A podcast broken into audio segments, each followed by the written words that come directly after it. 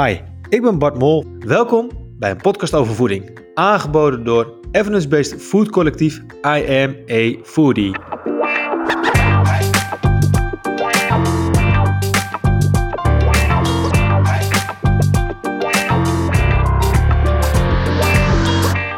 Hey, leuk dat je weer luistert. Welkom bij een podcast over voeding. Ik ben Bart Mol en binnen I'm a Foodie ben ik verantwoordelijk voor alles wat niet met de inhoud te maken heeft. Dus ik ben de ideale presentator van deze show. In de podcast gaan we in op de actualiteit en praten over onze eigen projecten. En vandaag hebben we weer een nieuwe, hele leuke, inspirerende gast. En dat is Rolinde de Meijer uit België. Woehoe, Rolinde, ben je daar? Hoi, ja. Ja, we gaan internationaal. En uh, ja, ik ken Rolinda uh, ja, eigenlijk sinds een aantal maanden. En met name eigenlijk van de online cursus die ik heb gevolgd via Instagram. Uh, die heet Meer Rust aan tafel. En ik vind dat echt een enorme aanrader om, om te volgen als je zit te harnessen met de little one van drie jaar en met eten. En daarnaast uh, zijn we eigenlijk ook stiekem bezig met I'm a die samen met Rolinda en Eline met het uh, schrijven van een heel nieuw gaaf boek uh, van borstvoeding tot twee jaar. Althans, dat is nu het concept. Waarschijnlijk wordt het wel weer een stuk groter en dikker en gaaf. Maar er, er zullen ongetwijfeld ook nog over, over te spreken komen.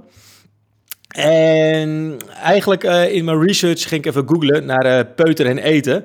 En uh, nou toen had ik binnen no time 11,3 miljoen hits. Dus dat staat gelijk aan uh, heel veel uh, jaren lezen. Dus toen dacht ik, weet je wat, het is veel leuker om Rolinde gewoon even te gast uh, te hebben in deze show. Dus Rolinda, welkom. we starten eigenlijk gewoon eerst even met de eerste vraag van wie ben je, wat doe je? Dus let's go.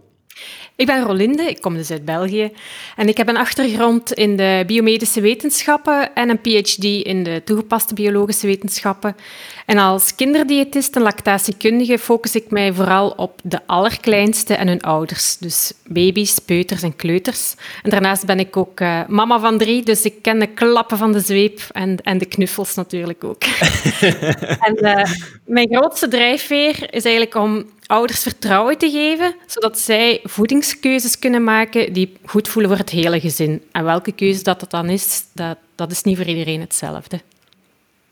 Nee, zeker, uh, zeker niet. Nee. Oké, eh, nou dat klinkt als wel dat je enorme, uh, ja, ik wil zeggen, staat van dienst hebt, denk ik, in, in, in wat je doet. Maar ben je ook nog actief als PhD in een bepaald vak? Of ben je nu met name als kinderdiëtist actief? Ik ben uh, volledig actief als uh, kinderdiëtist, uh, als zelfstandige. Mijn PhD-jaren liggen achter mij. Maar ik blijf wel wetenschapper in hart en nieren natuurlijk. Hè. Dat, dat krijgen we er niet uit. Nee, oké. dus ehm, ik kan me voorstellen dat je ook wel eens dingen in de media leest en dat dat gelijk een bepaalde frustratie is. wij beginnen namelijk eigenlijk deze show altijd met... heb je wellicht een bepaalde voedingsfrustratie of, of teleurstelling van de af, afgelopen week die je misschien in de praktijk hebt gezien of hebt, hebt meegekregen, slash in de media? Um, een frustratie van de afgelopen week, of ja, of een teleurstelling, is uh, een mama die mij vertelde dat het eten bij haar tweejarige wat moeilijk loopt. En zij kreeg dan het advies om zeker niet toe te geven. En dat ze gewoon het eten moest blijven geven, dat, dat die peuter eigenlijk niet lust. En uh, die persoon zei dan, ja, ze zal wel gaan eten als ze honger heeft. En dat vond ik een beetje jammer. Ten eerste omdat ik ook aanvoelde bij die mama dat dat advies voor haar niet klopte. Dat voelde voor haar niet goed, dus dat was dan al advies heel erg in één richting. Um, en ten tweede is dat ook een advies dat van eten echt een machtsstrijd maakt. Hè. Gewoon al die woorden zeker niet toegeven, dat gaat op zich gaat dat niet over al dat niet toegeven. Um, en we weten ook dat als je een machtsstrijd maakt over eten als ouder, sowieso verlies je dat altijd op de lange termijn. dus een beetje uh, pick, uh, pick your battle. Ja. Ja. Oké, nou, uh, daar komen we zo later nog even op terug in deze show. En ik wil eigenlijk even een situatie schetsen, uh, wat voor mezelf denk ik wel typerend is. En ik kan me eigenlijk voorstellen dat het voor heel veel mensen eigenlijk wel geldt. Zelf heb ik uh, twee kleine kinderen, een van anderhalf en een van drie. En met name die peuter van drie is eigenlijk wel op dagelijkse basis dat je dan denkt van, uh, nou, ik heb weer een pasta gemaakt waarvan ik weet of denk te weten dat dat zijn favo eten is. ik zet het neer en binnen no time is het huis te, te klein. hij gaat van huilen naar schreeuwen naar een meltdown. Dat ik echt denk van, hè, maar dit was volgens mij je favo eten. Maar op dat moment, ja, is het allemaal vies. hij duwt het van zich af. In worst case gooit het op de grond. En dat je dan als ouder denkt, oké, hoe gaan we hier weer mee om?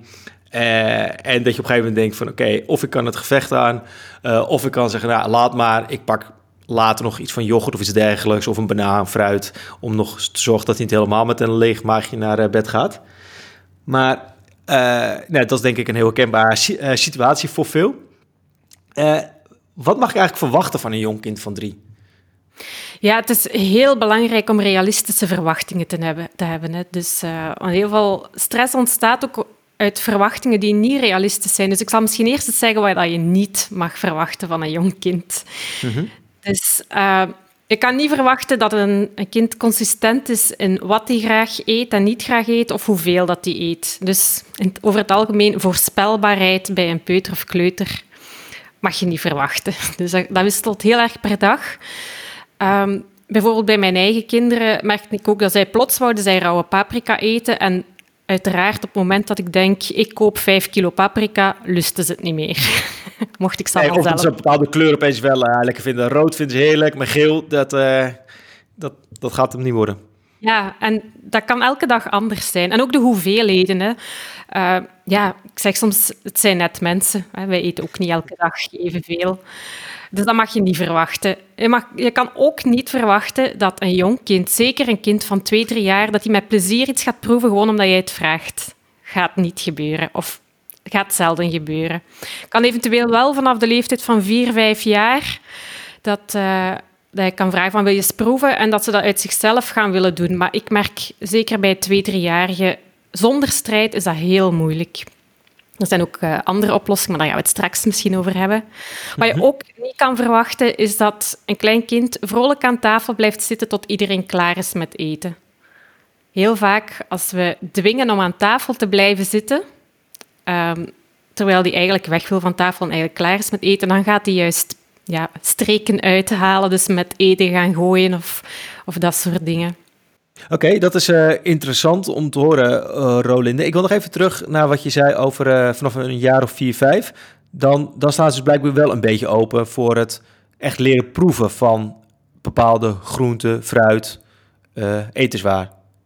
Zeg ja, ik dat goed? Ja, dat heeft eigenlijk te maken met twee dingen. Hè. Enerzijds is dat psychologisch gezien dat kinderen ongeveer van vier, vijf jaar dat ze een beetje meer willen pleasen naar hun ouders toe.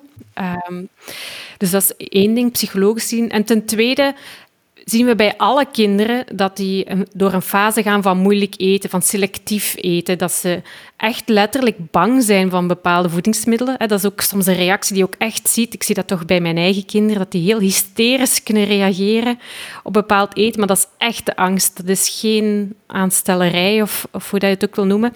En dat heeft zijn hoogtepunt rond twee, drie jaar. En dat neemt af richting vier, vijf jaar is dat al minder. Dat is niet weg, maar dat is wel al minder. En dat helpt natuurlijk ook om uh, te gaan proeven als die, die, die echte angst als die al wat minder is geworden.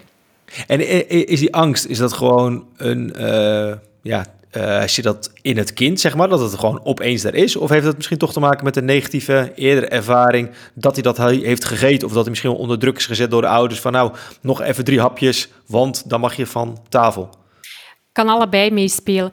Maar we zien dat bij alle kinderen wel, ook als die geen negatieve ervaring hebben gehad, dat die selectiever gaan eten. Dus um, bij mijn oudste kind dacht ik ook, ja, hoera, als baby die eet alles, pluim op mijn hoed. Uh, maar dan ging zij ook door een fase van moeilijk eten. Dat, daar gaan alle kinderen door. En dat is, heel, dat is evolutionair bepaald. Hè. Dat is omdat peuters, dreumissen, die gaan meer zelf op onderzoek, die ontwikkelen hun eigen ik. En als wij vroeger in de jungle woonden, dan zouden wij niet willen dat die peuter die op stap gaat, dat die alle giftige bessen en paddenstoelen in zijn mond steekt. Het zou niet goed komen. Dus de natuur heeft eigenlijk een beschermingsmechanisme voorzien dat een dreumes, een peuter, dat die heel voorzichtig wordt in wat hij in zijn mond steekt. Dus dat is eigenlijk een supergoeie bescherming. Maar ja, in onze tijd waarin wij weten van, ja, van die broccoli ga je echt niet doodgaan. Dat is zelfs gezond. En als je dat dan weigert, um, ja, dat is gewoon die evolutionaire programmering. Wat voor ons als ouder wel heel frustrerend kan zijn, maar dat is heel normaal. En wat dat je zei van die negatieve ervaring, dus stel dat een kind um, buikgriep heeft gekregen op dezelfde dag dat hij broccoli heeft gegeten, dan kan het best zijn dat hij uh, die link gaat leggen van broccoli, daar moet ik van overgeven. En dan gaat dat natuurlijk nog veel meer versterken.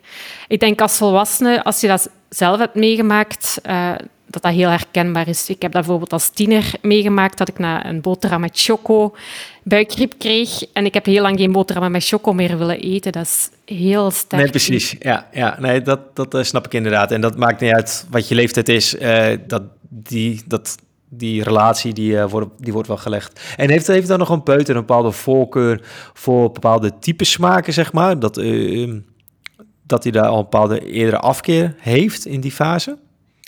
Jonge kinderen hebben wel een voorkeur uh, voor zoet, sowieso. En, en bitter, zoals veel groene groenten bijvoorbeeld, dat ligt moeilijker. Dus dat is uh, ook die inprinting dat er is. Maar dat wil niet zeggen dat ze het niet kunnen leren proeven.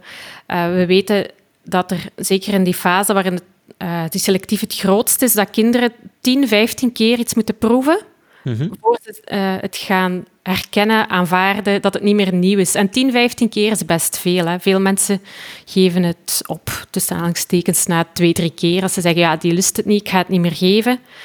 Uh, maar je mag dat dus zeker wel vaker proberen. Ja, nee, maar het ligt natuurlijk ook misschien een beetje aan de combinatie van hoe je het aanbiedt. Want in mijn voorbeeld gaf ik eigenlijk aan dat ik dan een pasta geef. Maar ja, dat is eigenlijk ook gewoon de pasta saus. Dus daarin moet je goed zoeken naar de paprika, de tomaat en andere groenten. Dus dan, als hij dat natuurlijk gewoon in één keer naar binnen werkt, dan, ja, dan uh, een goede, goede smaak die hij moet hebben. Dat weet van, hey, dit stukje is toevallig die, is die paprika. Dus dan moet ik het eigenlijk ook als losse uh, onderdelen aanbieden, dat dat al het gedoe aan tafel uh, verkleint. Kan allebei, kan allebei. Maar wat ik wel vaak zie bij jonge kinderen is dat zo gemengd eten, bijvoorbeeld een ovenschotel, dat dat heel moeilijk ligt. Zeker niet bij alle kinderen, maar heel vaak wanneer het eten niet herkenbaar is, is dat moeilijk. Uh, dat is ook dat evolutionaire, dat, dat, kinderen willen zien wat ze eten, om dan de link te leggen van uh, ja, hoe reageert mijn lichaam erop? Is dat oké om te eten? Herken ik het voor de volgende keer? Uh, dus als wij thuis hier bijvoorbeeld een uh, ovenschotel eten of een wokschotel of zo, dan zorg ik voor mijn kleuter dat, dat ik niet alles op een hoopje gooi, maar dat ik de ingrediënten apart aanbied. En dat gaat veel gemakkelijker dan. Oké, en is dat dus uh, structureel bij jou? Dus al het avondeten wat je, je aanbiedt, doe je altijd dan in losse bakjes of in ieder geval op het bord dat het los van elkaar staat? Ja, meestal uh, alles herkenbaar apart en ook een, uh, een lepeltje van het gemengde zodat ze er ook aan blootgesteld worden. Want dat is natuurlijk ook heel belangrijk. Als je bepaald eten nooit geeft of je kind er nooit aan blootstelt, ja, dan kunnen ze het ook niet leren kennen. Hè? Nee, oké. En dan, um, oké, dus dan heb ik uh, de kleine zover van, joh, we gaan aan tafel. Uh, is het sowieso eigenlijk al een strijd om aan tafel te gaan? Of, of is dat al een stukje herkenbaarheid dat we zeggen, oké, over een paar minuten gaan we, gaan we aan tafel. Uh, je drinken staat er, je slap om, et cetera? Of zijn er ook nog, sorry, is er ook nog een bepaalde aanpak dat je zegt, nou op die manier kan je onmogelijke stressfactoren wegnemen? Ja, bij sommige kinderen is het aan tafel gaan helemaal geen probleem. Bij andere kindjes loopt dat moeilijker. Voorspelbaarheid is daar zeker uh, een goede tip in. Dus zeggen over vijf of tien minuutjes gaan we eten. Eventueel je kind laten helpen met het tafeldekken. Uh, de favoriete beker op tafel zetten kan helpen. Um, als het moeilijk gaat om aan tafel te komen, omdat er vroeger veel druk is gelegd bijvoorbeeld, en je kind de tafel associeert met uh, ja, een negatieve sfeer, dan is dat iets dat tijd nodig heeft. Hè, dat je kind um, leert van aan tafel zitten kan ook leuk zijn. Dat die, dat die sfeer een beetje uh, ja, uh, minder stressvol is.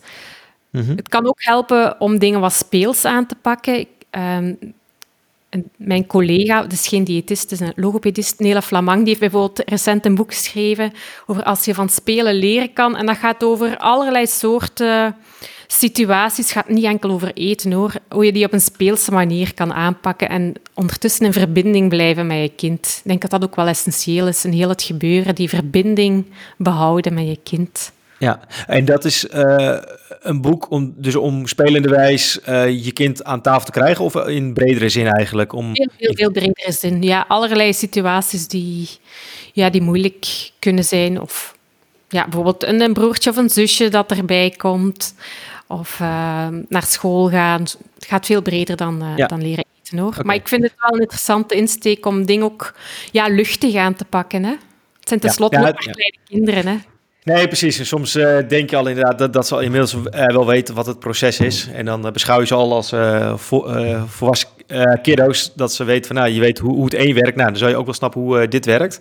Maar dat dat misschien toch nog wat meer stress oplevert, omdat ze misschien minder in controle zijn. Omdat het eten zomaar op tafel wordt gezet van, nou, we gaan nu dit eten. Of ehm, nou, dus nou, wellicht kan je het ook verminderen doordat je de kinderen een deelgenoot maakt met het, het, het, het klaarmaken van het eten. Ja, dus samen koken kan bijvoorbeeld ook, en dat kan al vanaf heel jonge leeftijd. Hè. Uh, een, een peuter kan je ook laten de aardappelen wassen, bijvoorbeeld. Eventjes afspoelen onder de kraan, dat kan een peuter mhm. perfect doen. Ja, ja precies. En dan, uh, dan weet je al een beetje wat er, wat er gaat komen, dat, dat, dat, dat die s'avonds opeens op het uh, bord ligt, inderdaad. En uh, kan, je, kan je een voorbeeld geven van een, een, een ideale situatie aan, uh, aan tafel? Dus uh, het is half zes. Hoe, hoe, zou je, hoe, hoe, zou, hoe gaat het bij jullie zelf? Je hebt zelf drie kinderen. Ja. En, kan je daar een voorbeeld van geven? Dat je, gaan jullie gewoon met, met z'n vijven aan tafel gelijktijdig voor ja, een, een tien minuten dat jullie met elkaar eten? Of zijn jullie een estafette aan het houden dat iedereen naar elkaar gaat eten? Nee, uh, nu, ik heb wel het geluk, heeft ook wel te maken met de coronacrisis, dat, uh, dat er alleen van thuis uit wordt gewerkt en dat wij dus vroeg kunnen eten. Um, ik weet als ik bijvoorbeeld om zes, zeven uur eet, dan gaat mijn jongste, die één jaar is, uh, die is te moe. Dat, dat komt niet goed. Die gaat dan huilen in zijn stoel en die gaat niet willen eten. Dus we eten vroeg, om vijf uur, half zes eten wij meestal. Dan zijn wij gelukkig ook allemaal thuis. Um, meestal zijn de twee oudste, die zijn vijf en zeven, zijn die een beetje aan het spelen. En dan zeg ik, we gaan eten. En soms zeg ik drie keer, we gaan eten. maar ze komen dan wel. Dat is eigenlijk uh, zelden een probleem. En heel vaak is het eerste wat mijn tweede dochter van vijf jaar zegt, ei, dat is vies. dat gebeurt hier ook. Nu, ik, ik zeg dan wel van... Um, je mag zeggen, ik lust dat niet, of ik vind dat vies, maar ei, dat is vies. Uh, ja, dat is, dat, ik vind dat een beetje respectloos naar de kok toe. Dat, ja. dat ben ik meestal. Dus, um, maar ik zeg dan wel altijd, je hoeft het niet te eten. En gewoon, je hoeft het niet te eten, dat is voor haar heel vaak al genoeg van, oké, ja, dan eet ik het wel. Als het niet hoeft, dan eet ik het wel. Gewoon omdat die druk daaraf is. Ja, precies. Dat, uh, dat ze gewoon een beetje in controle is. Van, oh ja, uh, ik doe het niet specifiek om mama of papa blij te maken dat ik het potje uh, opeet. Ja, de, ze, is, ja, ze is ook heel gevoelig aan druk. Als zij voelt van, ik moet dat opeten, dan gaat het gegarandeerd niet gebeuren. Maar als ze voelt van, ja, het hoeft niet, dan, dan, gaat ze, dan eet ze het wel. Ja, maar bij haar ligt, ligt ook nog best moeilijk om bepaalde groentjes te eten. Ze eet niet alle groenten, maar er zijn er voldoende die ze wel graag eet. Um, bijvoorbeeld kersttomaatjes, dat gaat er altijd in. Rauwe, uh, rauwe worteltjes, dat gaat er ook altijd in. Broccoli ook. Dus als wij bijvoorbeeld um, pastinaak of warme wortelen eten, ik weet dat ze dat niet eet. Ze heeft wat moeite met die textuur ook. Maar wij hebben bijvoorbeeld altijd kersttomaatjes ook op tafel staan. Uh, en dan eet ze daar wel van. Dat is daar mm veilig eten.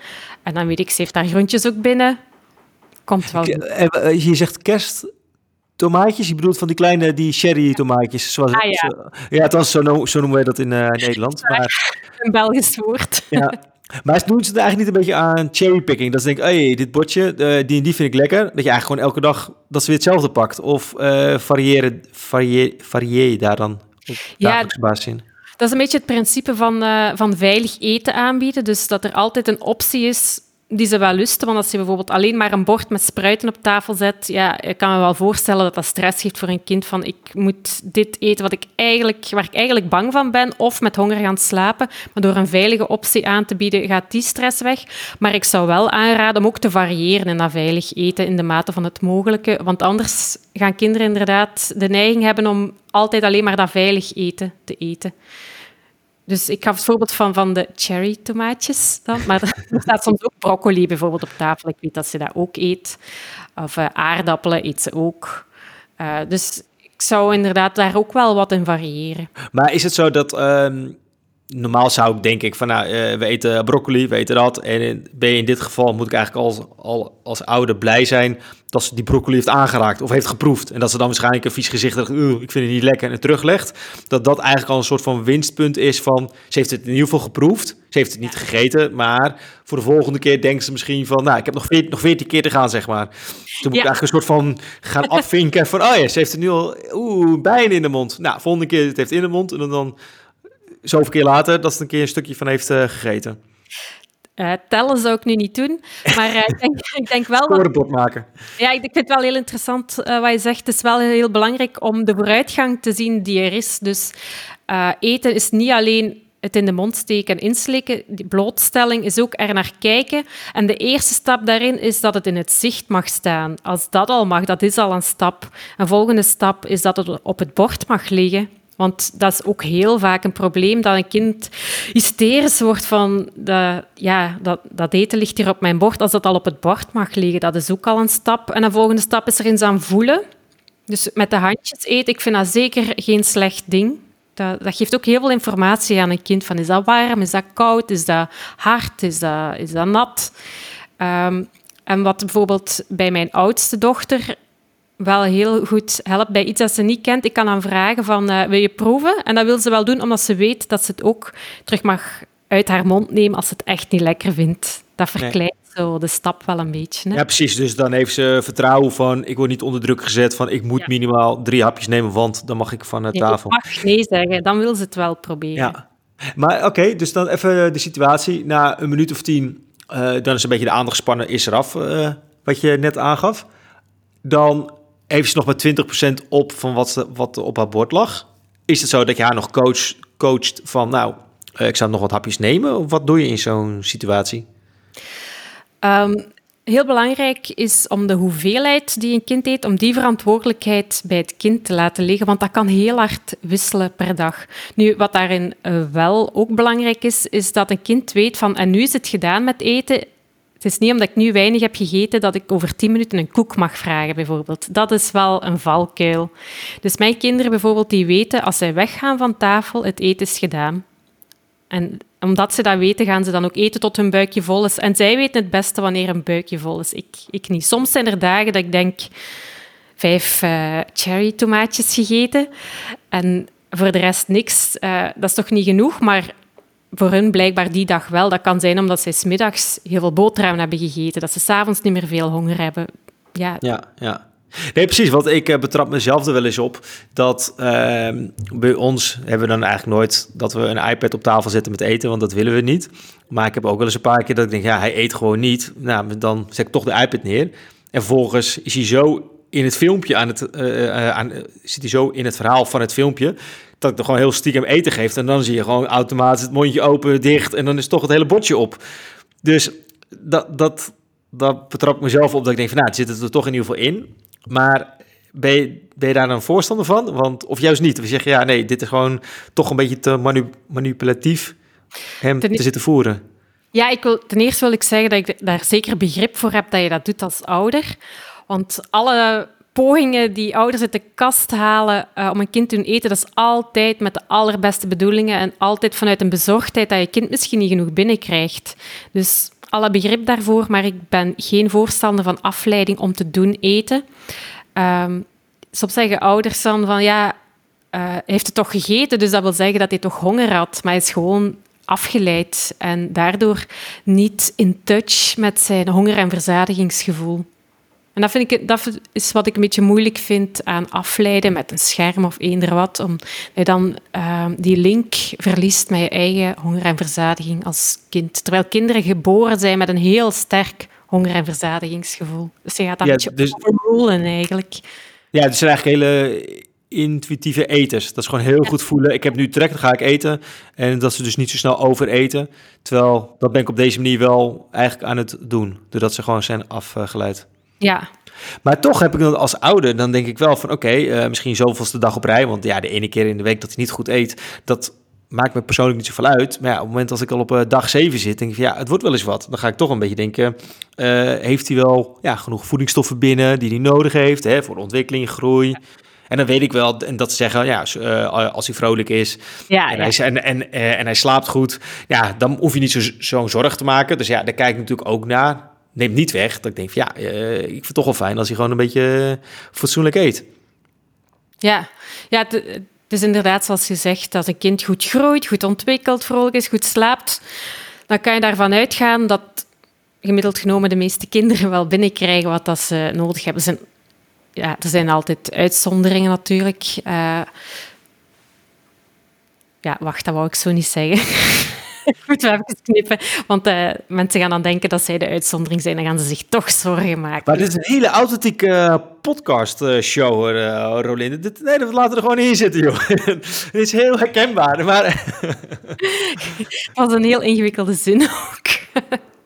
um, maar opvoeden is, dat past wel in de thematiek. Want opvoeden is gewoon heel ingewikkeld. Want we hebben het nu alleen nog maar over opvoeding. We hebben het nog eens over gedrag. En ik vind dat echt wel de grootste ook persoonlijke ontwikkeling en learning van hoe ga ik met de kleine om. Dat is echt niks met voeding te maken, maar meer van uit niks kan het opeens in een wijze meltdown komen. En ik ben zo ongeduldig als wat, dat ik echt denk van oké, rustig blijven, wat is er, eh, nou, et cetera. Maar anyway, terug uh, naar jou. Um, wacht, de voedingsstof. Sorry, ik ben even mijn draad kwijt. Um, de voedingsstof. Ja, dus als een kind goed groeit, vrolijk is, goed slaapt, dan kunnen we ervan uitgaan dat hij binnenkrijgt wat hij nodig heeft. Uh, en we weten ook uit wetenschappelijk onderzoek dat kinderen, ook al eten die selectief, dat die zelden een acuut voedingstekort hebben. Dus dat is ook vaak een eye-opener als ik dat zeg tegen mensen van... Ze komen eigenlijk zelden iets tekort. En uh, ja, we moeten het inderdaad ook op, op langere termijn bekijken. Dus er zijn 35 eetmomenten op een week. Uh, dus zoals je zelf zegt, als dat dan eens uh, een paar eetmomenten wat minder zijn, dat maakt niet zoveel uit. Maar uh, we zien ook dat kinderen heel hard groeispurten hebben. Dus dat er momenten zijn dat ze plots heel hard groeien en dat ze dan meer gaan eten. En dat, dan zijn er weer momenten dat ze minder groeien en dan gaan ze minder eten. En voor ouders kan dat verwarrend zijn van ja, hoe kan dat dat die eerst zoveel had en nu zoveel minder? Maar dat is nogmaals een bewijs hoe hard dat een kind voelt wat hij nodig heeft. Ik heb dat bij mijn dochter, Zita, onze tweede dochter, ook gezien als hij twee jaar was.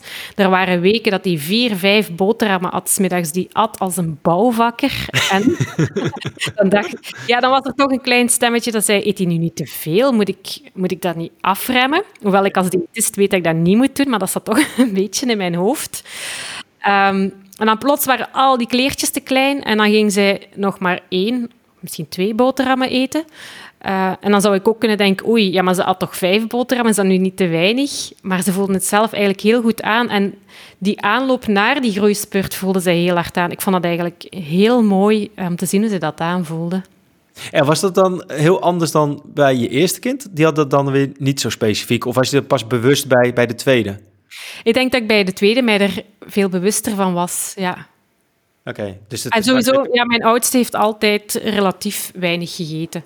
Het viel mij bij de tweede op hoeveel dat die kon eten. Dus er zit ook gewoon hele grote verschillen tussen, tussen kinderen onderling. Ja, ja, zeker, zeker. Dus ja, ja eens. Ja, dat, ik denk dat de luisteraar die meerdere kinderen hebben, dat die dat uh, ongetwijfeld zullen uh, beamen. Dat je aanpak bij misschien nummer één heel goed werkt en bij nummer twee compleet anders is. Of dat er geen eens een aanpak nodig is, omdat hij het al gewoon goed, leuk en lekker vindt. Ja, inderdaad. En het heeft ook te maken met temperament en zo. Hè. ja, het is de whole package. en uh, nog even op het avondeten, want daar, uh, stel voor, dan heeft ze op het einde dan weinig gegeten. Uh, is het zo dat je dan zelf nog wel iets van yoghurt of fruit aanbiedt? Omdat je toch denkt van, nou, anders gaat ze toch met, of hij of zij met een uh, leeg maagje naar bed. Of ben je daar pertinent ook weer niet echt een voorstander van? Ja, ik vind dat een beetje een valkuil. Um, want dan heeft je kind eigenlijk geen motivatie om van het avondeten iets te eten, want een yoghurtje of soms is dat een koek, dat komt toch. Nu, als dat altijd zo is, dat het avondeten moeilijk verloopt, um, dan zou ik eerder voorstellen om bijvoorbeeld dat yoghurtje, om dat meteen samen met, uh, met het avondeten voor te schotelen. Dan is dat uh, het veilige eten, zogezegd, de yoghurt. Uh, en het is vanuit dat gevoel van veiligheid, van ik kan mijn buikje sowieso voelen, dat kinderen gaan willen experimenteren. Dat is ook een soort vertrouwen dat we nodig hebben, dat kinderen willen wel nieuwe dingen ontdekken. Ehm, maar ze moeten zich veilig voelen. Ja, en is, is nog een soort van een, top 5 aan uh, generieke groente, fruit, soorten, dat je weet van nou, dat zijn eigenlijk bij elk kind, is dat wel waar ze voorkeur voor hebben, of is het echt heel kindspecifiek? Uh, ja, elk kind is moeilijk te zeggen, maar de meeste kinderen zie ik toch wel een trend naar bijvoorbeeld zoete groenten. Hè? Bijvoorbeeld wortel of die cherry tomaatjes, dat gaat vaak beter omdat dat zoet is. En wat ik ook bij veel kinderen merk, niet bij allemaal, maar bij veel, is dat groenten met een beetje beet in, dat dat gemakkelijker gaat. Dus als ze tot snot gekookt zijn en heel slijmerig zijn van textuur, bij veel kinderen is dat moeilijker. Dus ik denk bijvoorbeeld aan uh, boontjes. Als ik mijn boontjes helemaal plat kook of plat stoof met uh, een ajuintje onder, dat gaat moeilijk. Maar als ik ze zo eventjes uh, kort stoom, dat er nog een beetje beet in zit, dan eten ze dat wel graag. Dus ook de bereidingswijze uh, kan een groot verschil maken. Ja. Ja. ja, ik denk dat we hier nog uh, uren over door kunnen praten. Ja. Um, ik wil een beetje richting het einde gaan. En ik was even benieuwd of je drie praktische tips kan geven... die de luisteraar sowieso direct kan integreren ja, bij het volgende avondmaal. Of wellicht tijdens de lunch of net wanneer het is. Ja, ik, um, de drie tips waarvan ik hoor dat uh, veel mensen daar iets aan hebben. Ten eerste het nee dank u kommetje. Dat is een kommetje waarvan een kind weet, iets dat ik niet op mijn bord wil hebben, mag ik daarin leggen. Dat geeft een heel groot gevoel van veiligheid, uh, om dan de rest van het eten wel te willen eten. En soms hoor ik dan dat een kind van alles een nee dank u kommetje gooit. Ja, precies. Om het dan op het einde gewoon leeg te eten. Gewoon met het idee van ik moet het niet opeten, omdat die druk daarvan af is. Ja, ja. Oké, dus, okay, dus uh, in ieder geval een schaaltje ernaast van, joh, als je het niet lekker vindt, mag je, mag je het daarin uh, in doen. Dus dat hij in charge is van, het hoeft niet. Oké, okay, cool. Uh, het tweede is wat ik al een aantal keer heb gezegd, dus zorg dat er altijd iets is dat je kind wel lust, maar probeer daar dan ook in te variëren. Hè? Mm -hmm. En wordt er niet een misbruik van, uh, van gemaakt dat hij weet van dat cherry tomaatje en die komkommer, dat zijn de favo feestnummers dat hij dat sowieso eigenlijk altijd wil eten en dat hij de rest dan links laat liggen? nieuwe dat experimenteren. Stukje, ja, dat is een stukje vertrouwen hebben dat je kind wel gaat willen experimenteren. Maar dat wil ook niet zeggen dat je altijd echt het allerfavorietste eten moet opdienen, maar gewoon iets waarvan je weet dat eet hij wel. En daarin variëren. Ja, oké. Ja, en dat, en dat natuurlijk, naarmate hij weer meerdere dingen eet, daar, daar bewust van zijn, zodat je weer gaat variëren in de dingen die, ja, eigenlijk gewoon dat de lijst van succesnummers uh, groter wordt. Ja, langzaam opbouwen. Ja. En nog een eh, derde en afsluitende tip? Ja, het eten niet te veel mengen als je kind het daar moeilijk mee heeft. Dus uh, de dingen, de maaltijden ontleden in aparte, aparte voedingsmiddelen. Ja, dus wat je eigenlijk zei, gewoon de overschotels, dat is eigenlijk wel een garantie voor dat ze het eerder zullen laten staan, omdat ze het gewoon niet meer kunnen herkennen als zijn. Ja, de meeste kindjes wel. En soms zeggen mensen dat tegen mij, oei, ben je dan niet twee potjes aan het koken? Maar voor mij is dat gewoon het verschil tussen uh, op het einde alles bij elkaar gooien of een paar dingetjes apart houden. Dus extra moeite is dat niet, hè? Ja, maar eigenlijk is het dus ook wel dat, de, ja, dat je als ouder ook wel je eigen eetpatroon echt aan laat sluiten ja, op het eetpatroon van de kinderen. Wat uh, ze lekker vinden of dat je daarmee aan het experimenteren bent. Uh, of, ja. zelf uh, passen wij niet zoveel aan wat dat wij eten, want ik eet graag bijvoorbeeld uh, exotische stoofpotjes, vind ik heerlijk. En die maak ik nog altijd. Maar ik ga dan wel zorgen dat voor hun wat dingetjes apart zijn. Want uh, wat, ook, wat een valkuil kan zijn, is om te zeggen, ja, we eten vanaf nu elke dag worst met appelmoes en aardappeltjes, want dat gaat goed. Um, maar het is ook belangrijk om gevarieerd te blijven eten met het idee van als een kind het nooit ziet, kan het ook nooit leren eten natuurlijk. Nee, snap ik. Ja. Oké, okay, wauw. Nou, uh, Rolinde, dank voor uh, ja, de hele hoeveelheid tips. Ik uh, ga er gelijk vanaf mee aan de slag. Um, ik zou als laatste vraag nog even willen vragen van, heb je nog suggesties voor gasten die we kunnen vragen voor de show? Ehm, ik dacht aan twee Belgische collega's. Uh, Celine Rombouts is diëtist, uh, heeft een bekende Instagram-pagina, ook Healthy Habits Celine. Het is heel erg bezig uh, met intuïtief eten ook, voor volwassenen dan. Um, en Caroline Olaerts heeft ook biomedische wetenschappen gestudeerd. ze heeft ook een aantal boeken geschreven, ook heel erg bezig met intuïtief eten. Dat is een onderwerp dat mij sowieso ook wel aanspreekt. Uh, ook voor volwassenen vooral is zij bezig. Maar ze heeft ook een zoontje waar ze soms over deelt uh, hoe hij eet. Vind ik ook hm. leuk. Ja. Oké, okay, thanks. Nou, ik, uh, ik, ik, ik, ga, ik ga erachteraan. En wellicht dat we die binnenkort kunnen verwelkomen als gast in de show. En heb jij nog iets wat je wil aanprijzen? Want voor niets gaat de zon op. Dus is er nog een, een nieuwe cursus die binnenkort gaat starten bij jou? Of heb je nog boeken geschreven? The floor is yours. Momenteel loopt mijn online cursus Baby's eten zelf. En dat gaat over uh, je baby vanaf het begin stukjes laten eten. Dus dat ook wel gekend als de Rapley-methode of baby-led weaning. Omdat ik dat met mijn eigen kindjes ook heb gedaan. En ook als professional, als diëtist, heb ik daar redelijk wat ervaring mee. En dat heb ik gebundeld uh, in een cursus samen met mijn collega Hilke. Uh, de cursus die je zelf hebt gevolgd, Meer rust aan tafel, die wil ik binnenkort ook opnieuw openstellen. Uh, er hebben al een paar honderd mensen, 500 mensen aan deelgenomen. En dat gaat... Ja, zalig, hè? Cool. Uh, en dat gaat dus specifiek over ja, die rust creëren aan tafel voor kindjes waarbij het eten moeilijk loopt. Dus voor peuters en kleuters uh, is dat echt. Nou, anders kan ik in de show notes uh, kunnen we wel een link zetten waar de mensen zich op een ja. lijst kunnen neerzetten of zo, dat ze op de hoogte worden gehouden wanneer de cursus weer, weer van start gaat. Want dat lijkt me denk ik heel leuk en relevant. Ja, dat heeft zeker te maken met het onderwerp van vandaag. En er komt naar het schijnt uh, later dit jaar een heel interessant boek aan. Welk, hè? Van, uh, ja. de kidsboek, waar, waar je zelf de ja, auteur van bent? Of, ja. ja, dat mogen we toch ook nog eventjes uh, vermelden, hè? Ja, ja, ja nee, zeker. Nee. Um, dat is inderdaad wel, wel, leuk om te horen. Het is eigenlijk de opvolger van uh, Eet als een expert zwanger. Uh, dat is dus uh, om zwanger te worden en tijdens de zwangerschap. Maar daarna begint het natuurlijk allemaal met borstvoeding, slash, slash kunstvoeding tot en met twee jaar. Dat is volgens mij een beetje het concept wat we nu hebben, toch? Waar we op ja. broeden. Ja, inderdaad. Valt heel veel over te zeggen. Ja, ja, nee, daarom. En we, we hebben de planning maar ja, nu, nu ga ik je onder druk zetten. dat hij in uh, juni, juli klaar is, toch? Dus dat hij dan ergens in augustus in de winkel moet leggen. Als er niet te veel lockdowns zijn, komt dat helemaal goed.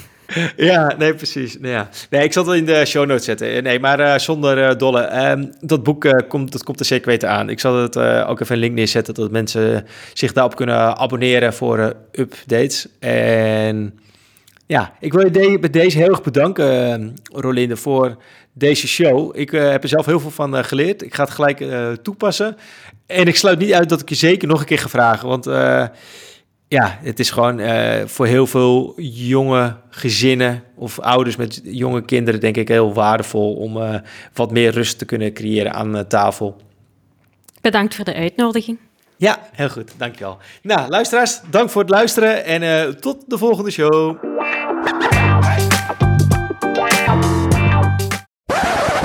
Hey, hier ben ik nog even. Zoals je misschien weet is I'm Foodie onafhankelijk en hebben we geen banden met de voedingsindustrie. Maar ja, uh, voor niets gaat de zon op. En wil je ons steunen dat we deze podcast kunnen blijven maken, dan kan dat uiteraard. Ga naar vriendvandeshow.nl slash POV, dat staat voor podcast over voeding. En hier kan je een donatie doen. En uiteraard kan je ons natuurlijk ook steunen door het kopen van onze boeken. Het is een no-brainer dat Eet als een atleet hardlopen editie, dat je die direct gaat bestellen in de webshop bij imafoodie.nl. Uh, en daarnaast natuurlijk ook onze andere hele mooie titels. Uh, ik noem Eet als een expert, Eet als een atleet en uiteraard Eet als een expert zwanger voor als je zwanger bent of je misschien zwanger wilt worden. Zijn het allemaal uiteraard hele leuke, goede boeken. En de granola mag natuurlijk ook niet ontbreken. Nou, tot zover uh, even de ongegeneerde promo. En tot de volgende podcast. Hoi!